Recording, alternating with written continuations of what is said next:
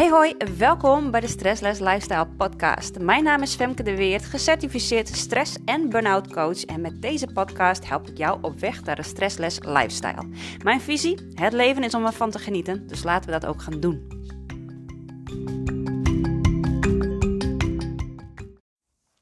Hey hoi en welkom bij een nieuwe aflevering. Het is alweer aflevering 52 en we gaan het vandaag hebben over wanneer ga je het opgeven. En deze podcast, deze opname, die uh, ja, komt, komt vanuit een inspiratie van een aantal mensen in mijn omgeving, een aantal klanten, maar ook vanuit mijn privéomgeving, die het lastig vinden om zich over te geven aan hun nou ja, fysieke en of emotionele klachten. En dat is ontzettend logisch dat dat gebeurt, dat dat het ding is. En wat ik vooral zie, is dat mensen, hè, de, de mensen waar ik het dan nu even over heb, dat die vooral in een modus blijven zitten van oplossen. Ze willen hun problemen gaan oplossen. En dat is een hele natuurlijke, natuurlijke reactie.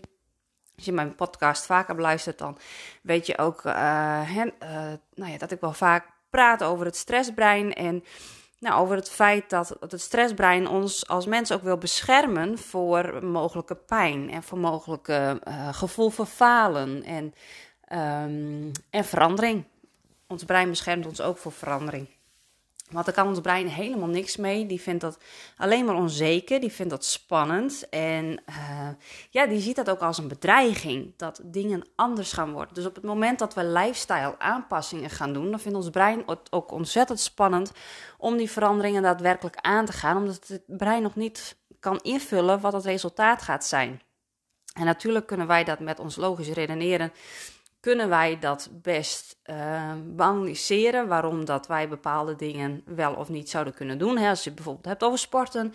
We weten allemaal dat je van sporten um, nou ja, fitter en vitaler en betere conditie krijgt. En dat dat hartstikke gezond is. Dat weten we. Dat weten we met ons rationele brein. Maar toch is er ergens iets in ons stressbrein die zegt van ja, maar nou ja, er kunnen ook allemaal nog andere complicaties en dingen. En misschien raak ik wel geblesseerd. En weet ik veel wat voor smoesjes en excuses dat hij er allemaal bij bedenkt om het uiteindelijk niet te gaan doen. En dat is gewoon omdat ons brein ons graag in onze comfortzone wil houden.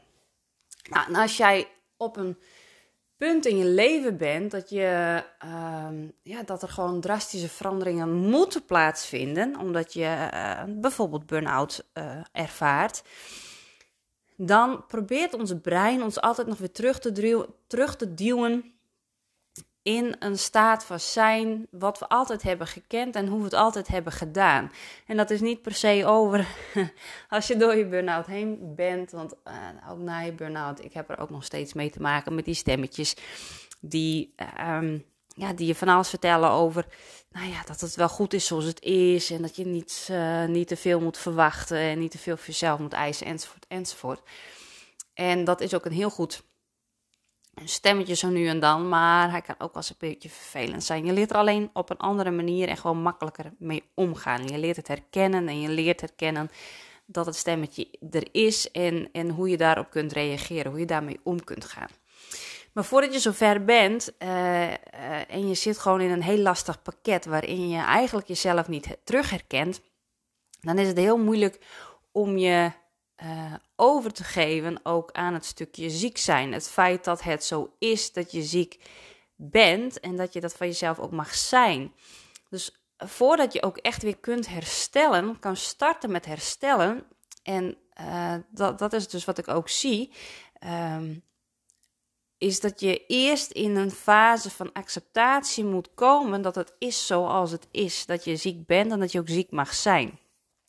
Dus dat je stopt met oplossen. Dat je stopt met uh, allemaal verschillende manieren en, en, en wegen probeert te zoeken om ook echt maar weer te zijn wie je altijd was. Om maar weer beter te worden, om maar weer je oude leven op te kunnen pakken. En het stukje vechten, want dat, dat ja, ik ervaar het nu, ik zie het nu als vechten. Dat je blijft vechten tegen dat wat je overkomt. En dat wat je overkomt, daar kun je niks aan doen. Daar is ook helemaal niemand schuldig aan. Maar het feit dat je blijft vechten om in stand te houden wat er altijd was, gaat je niet zoveel verder brengen. Het gaat je alleen in een staat behouden dat je, ja, dat, dat je hersteltraject eigenlijk ook langer duurt. En het overgeven aan het accepteren van is ook niet een fluitje van een cent. Het is ook niet dat je voelt van, oh, uh, zo moet je linksom en zo moet je rechtsom. Ik bedoel, in de tijd dat ik voor mijn burn-out zat, waren er ook al heel veel mensen die tegen mij had gezegd: Nou, Femke, als je zo doorgaat, dan komt het niet goed met jou. Of mensen die vroegen: Hey Femke, hoe gaat het met jou? Gaat het wel goed? En dat ik dat zelf ook niet zag dat dat gebeurde. En ik weet ook, ik besef me ook heel goed dat mensen in mijn omgeving en ook klanten van mij soms niet, zelf niet zien uh, dat ze zo aan het overleven zijn. Dus dat is ook een taak van mij om je daarin te helpen, daar je soms ook mee te confronteren en soms ook met je mee te bewegen om echt tot een bepaald acceptatieproces uh, te komen. Het is alleen zo, als je dus weet dat jij dat je op een gegeven moment aan het vechten bent. Dat je nog steeds probeert om jouw problemen op te lossen. Dat je de snelste manier probeert te vinden om hier doorheen te komen. Uh, dan ga je jezelf tegenwerken. En misschien herken je dat signaaltje bij jezelf dat je denkt: ja, maar ik ben, ik ben nog zo aan het fixen, ik ben nog zo aan het oplossen. En eigenlijk zou je dan juist het tegenovergestelde mogen doen. Je mag dan juist met jezelf gaan zitten en ga kijken van hé, hey, waar kan ik nog meer in mijn ziekte gaan hangen? Waar kan ik nog meer in mijn burn-out gaan hangen? Waar kan ik nog meer in mijn stressreacties gaan hangen?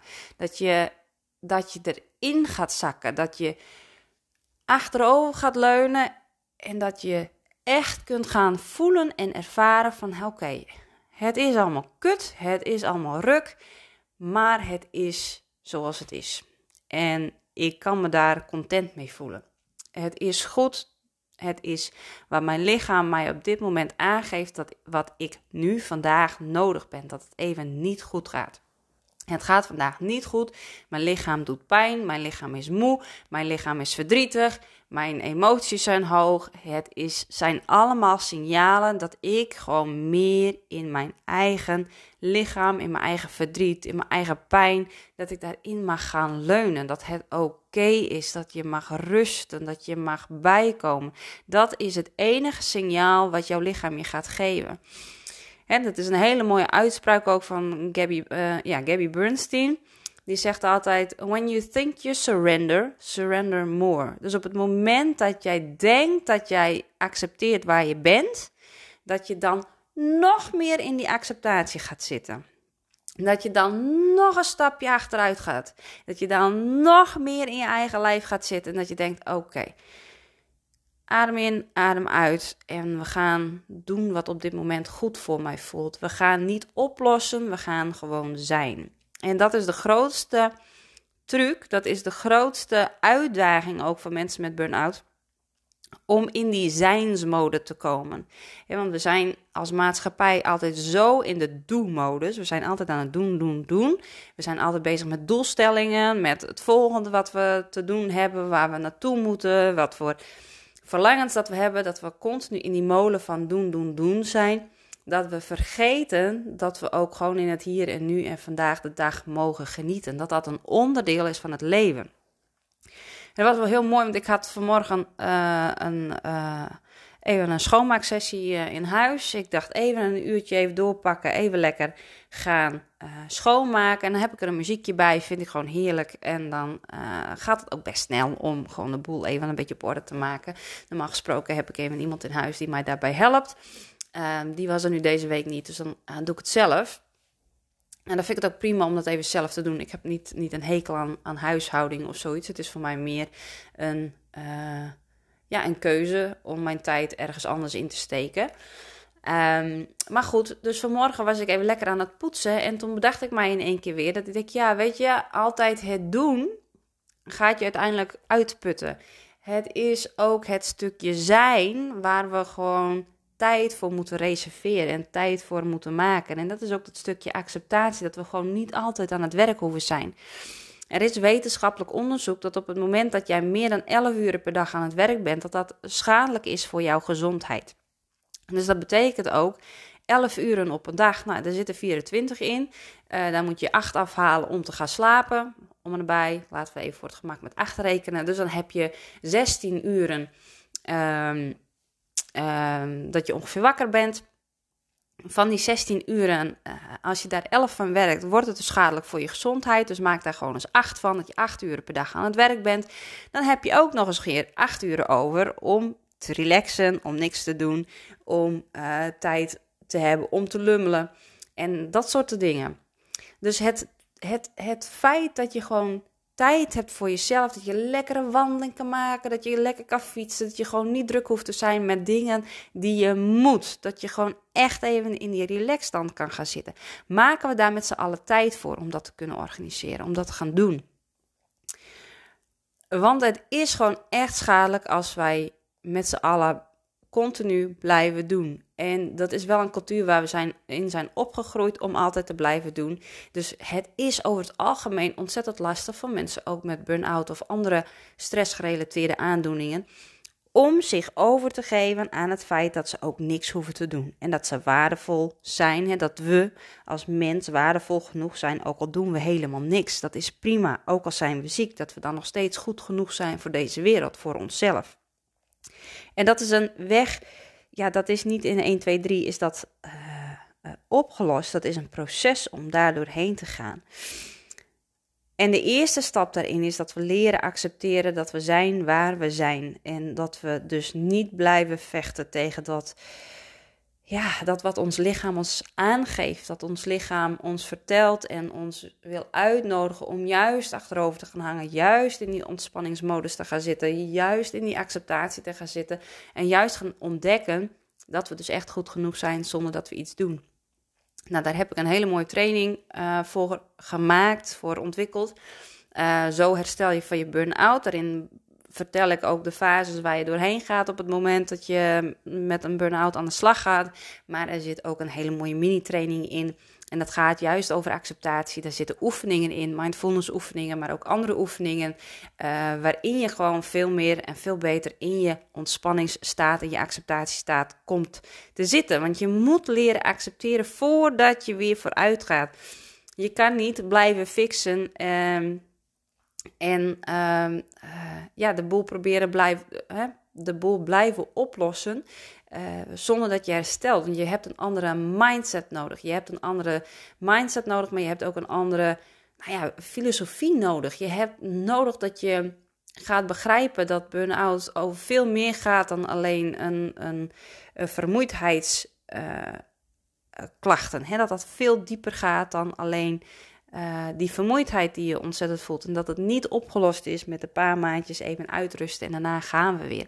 Het gaat erom dat je een andere mindset gaat creëren en dat je ook een andere lifestyle gaat creëren. Dat je anders naar jezelf gaat kijken en anders met jezelf aan de slag gaat. Dat is de hele uitdaging van stress en burn-out. En die eerste stappen om daarin te zetten is dat je ook leert begrijpen van hey, hoe kom ik dan door mijn burn-out heen en hoe kom ik in die accepterende fase. Nou, daar heb ik dus de, master, de, de training voor ontwikkeld. Zo herstel je van je burn-out. En uh, die is online te vinden en ik heb de link daarvan in de bio van deze podcast gezet. Dus um, klik op de link en uh, nodig jezelf uit voor een hele mooie training over het herstellen van burn-out. Ik hoop dat je dit weer een waardevolle podcast vond. En uh, ja, ik zie je heel graag een volgende keer. Vond je hem ontzettend waardevol? Dan vind ik het heel leuk als je hem deelt op je social media. En ook anderen inspireert met deze podcast. Ik zie je snel. Hey, fijne dag.